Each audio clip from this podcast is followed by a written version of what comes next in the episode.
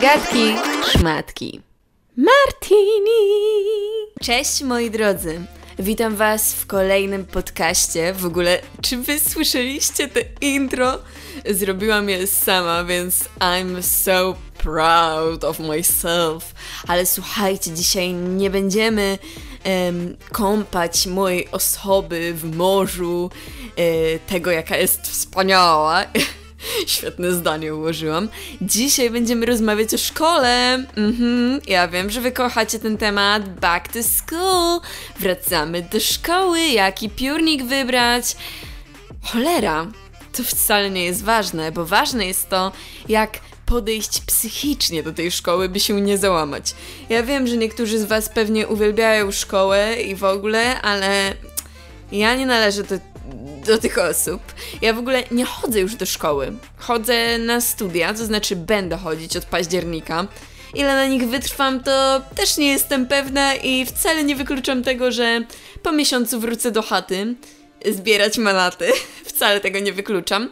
Ale dzisiaj będę opowiadała o takiej typical szkole, o moich takich e, tipach, jak przetrwać. To znaczy, nie będę dużo opowiadała, bo mam jeszcze z e, wyważonym podcastem robić kolejny taki podcast, więc nie będę tutaj jakoś objawiała wam jakichś prawd, pradawnych bogów, ale jeśli chcecie sobie trochę poprawić nastrój przed szkółką, e, to to jest taki idealny podkaścik. Mhm, tak, tak.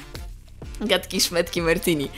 A więc słuchajcie moi drodzy, jak ja chodziłam do szkoły, czyli pradawny rok temu, to naprawdę I feel you so much. Czułam się tak samo jak wy, czyli nie chce mi się tam iść, nauczyciele są befe i nie lubię się uczyć, nie lubię ludzi, nie lubię ludzi, więc po co mam się uczyć, skoro nie lubię ludzi? Ja totalnie nie lubiłam ludzi, jak byłam w szkole, bo nie lubiłam akurat ludzi z tej szkoły. To znaczy, bywały wyjątki, bywały wyjątki, które były naprawdę w porządku, ale bywały też takie odklejeńce. No słuchajcie, nie wiem, czy wy macie w klasie kogoś takiego. Ja miałam e, taką osobę, która po prostu czepia się o byle co. Dosłownie musi wam zrobić problem z igły widły. I zawsze ma jakąś taką y, moc, że musi być ponad wszystkimi. W sensie chciałaby taka być, ale oczywiście taka nie jest, no bo jeśli ludzie są mądrzy w waszej. W, w waszej. Jeśli macie mądrych ludzi w waszej klasie, to nie powinni oni pozwolić na dominację takiej osoby. U mnie była taka osoba, co była e, taką dominantką. To znaczy, no, czy ja uważałam ją za osobę dominującą?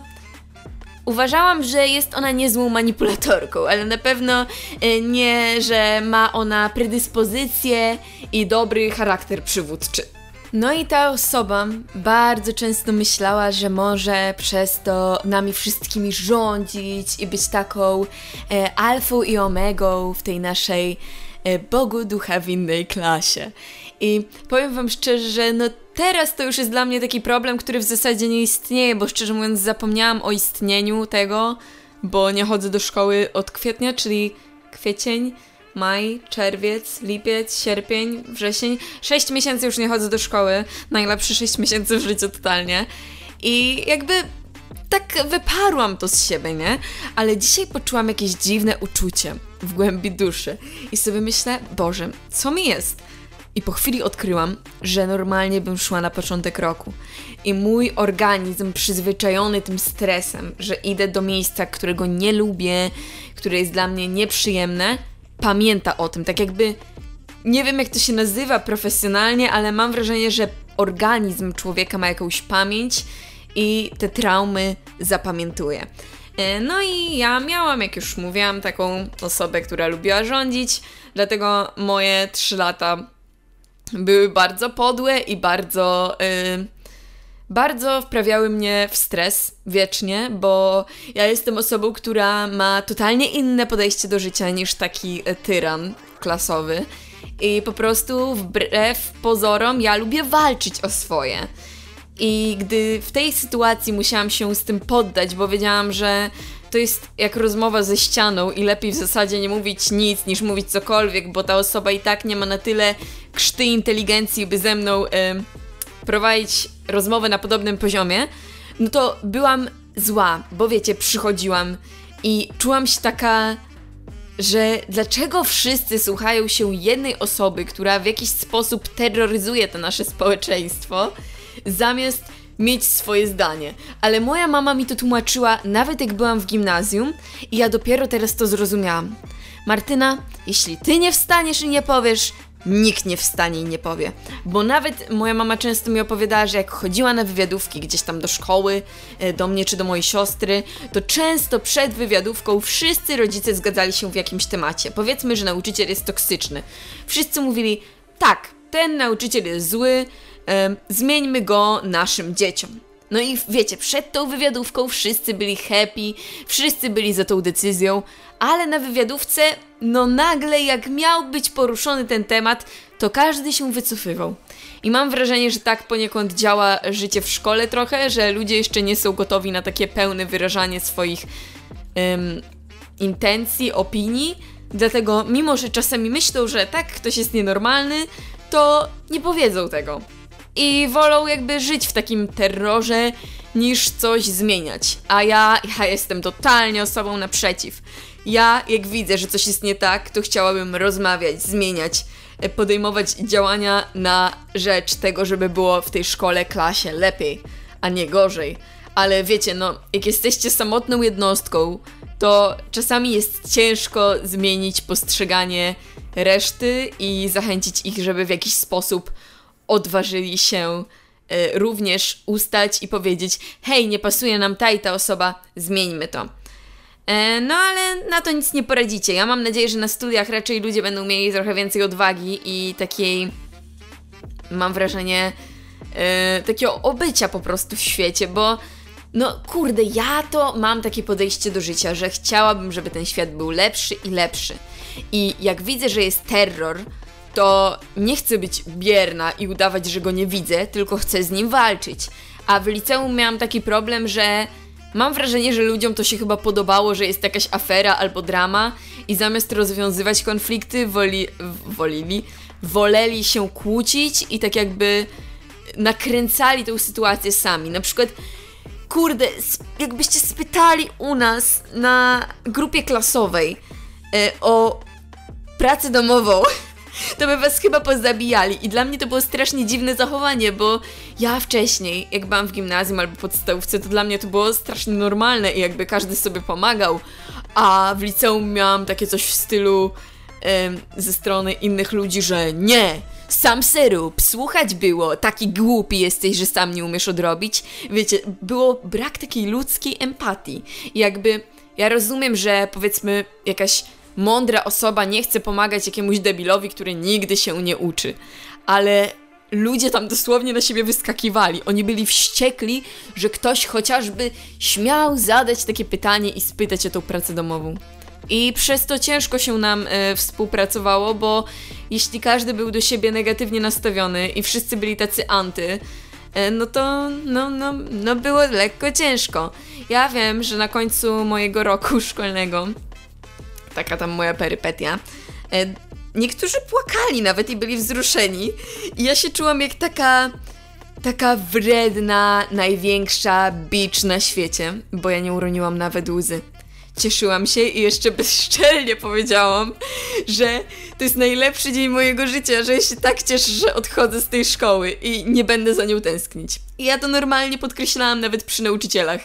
Więc no, no ja nie jestem osobą, która siedzi cicho, wiem, mogłam sobie darować te komentarze i już tam nie komentować, ale ja po prostu jestem osobą prawdomówną, moim zdaniem. I, jakoś tak nie chciałam udawać, że jest mi za specjalnie przykro, bo tak naprawdę było to zakończenie najbardziej toksycznego etapu w moim życiu, bo ja przez liceum miałam z trzy momenty, w których już naprawdę chciałam iść na edukację domową. Nie poszłam ostatecznie, bo moja mama mnie tak namawiała, że wiecie, muszę być silna i że dam sobie radę i w ogóle, no i dałam sobie radę, ale szczerze to był to totalny terror, y, przez który mam traumę do dziś co do każdej szkoły. Ale, tak żeby was pocieszyć, nie każda szkoła jest terrorem. I jeśli na przykład idziecie do nowej szkoły i nikogo nie znacie, to pamiętajcie, że nie każdy jest nienormalny. I że takie przypadki jak moje to są wyjątki, a nie standardy. I na przykład w gimnazjum miałam bardzo fajną klasę, z którą się dobrze dogadywałam i było w porządku. W liceum miałam klasę, która była połowiczna, połowa była naprawdę super, śmieszni ludzie, połowa to ludzie, którzy wepchnęliby mnie pod tramwaj, gdyby mieli y, taką możliwość. Na szczęście u mnie na Podlasiu, y, w mieście obok którego mieszkam nie ma tramwaju, więc im się nie udało, ale jestem przekonana, że gdyby jedna dziewczyna miała okazję, to naprawdę by mnie e, zabiła. Totalnie. Widziałam w jej oczach, że mnie nienawidzi i wiecie, ciężko się tak żyje, ale ja w trzeciej klasie nabrałam takiego podejścia, które bardzo każdemu polecam pod tytułem Nie znam cię, po prostu cię nie znam. I jak przychodziłam do klasy i powiedzmy ta film Faranfa próbowała coś ze mną rozmawiać, albo tak wiecie, taką dyskretną zaczepkę na przykład mnie obgadywać, albo coś. Pamiętam jak do mnie podeszła i mówi, no, coś tam wiecie, mm, tutaj dodajcie sobie słowo na K. Czego mnie obgadujesz? Ja to wszystko słyszę.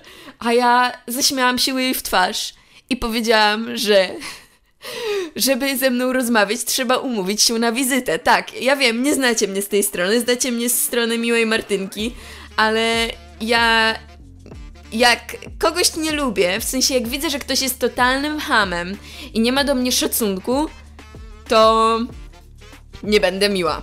Oj, nie będę miła. Bo co innego jak kogoś nie lubię, bo na przykład nie pasuje mi vibem, ale ogólnie jest w porządku, to wtedy to nie, to nie wyskakuje agresywnie, po prostu ignoruję taką osobę, ale jak widzę, że ktoś już naprawdę chce mnie zdenerwować, to ja pokażę mu, gdzie jest jego miejsce, naprawdę pokażę.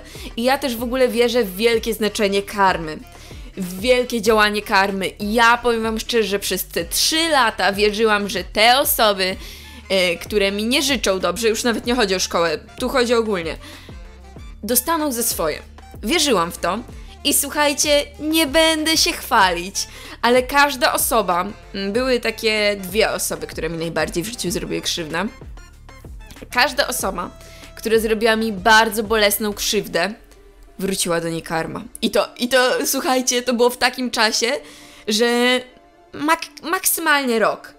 Wróciła karma do tej osoby, bo ja wierzę w to, że jeśli ktoś jest zły do szpiku kości i jeśli ma świadomość, że robił źle, to karma do niego wróci, bo co innego, gdy robisz błędy, ale na przykład yy, powiedzmy żałujesz i tak naprawdę jesteś dobrym człowiekiem, ale popełniasz błędy jak każdy. Wtedy yy, karma moim zdaniem jest taka do odpracowania i jakoś mocno cię w tą kostkę nie uwali. Ale jeśli jesteś zły i jeszcze cię to cieszy albo masz satysfakcję, o mój drogi, na pewno wróci do ciebie karma. I tak, straszę cię w tej chwili, bo do kogoś, kto ze świadomością postępuje źle, zawsze wraca karma. I nie powiecie mi, że nie wraca. Jeśli powiecie mi teraz, o Martyna, ktoś mnie skrzywdził, ale do niego nie wróciła, czekaj. Poczekaj. Mi też się wydawało, że nie wróci do jednej osoby, a jak wróciła, to z takim rozpędem, że nie dało się jej już zatrzymać. Więc moi drodzy, życzę Wam dużo sił i wierzę, że dacie sobie radę w nowym roku szkolnym, bo kto jak nie Wy, jesteście w końcu czempiony, moje kochane. I dzięki moim podcastom będziemy razem się wszyscy trzymać. Ja będę na studiach, może je rzucę, ja wcale tego nie wykluczam. Jak nie rzucę, to też fajnie. Kupiłam sobie plecak na te studia, więc y, zaczynam z pozytywną energią. Czy wytrwam na nich długo? Nie wiem. Ale słuchajcie, wy na pewno dacie sobie świetnie radę, bo skoro ja wytrwałam, to ja wierzę w każdego, bo ja jestem totalny miękki pieróg. I pamiętajcie, szanujcie swoją osobę i nie dajcie sobą pomiatać, bo jesteście najlepsi i najfajniejsi. Dziękuję za słuchanie, pa pa!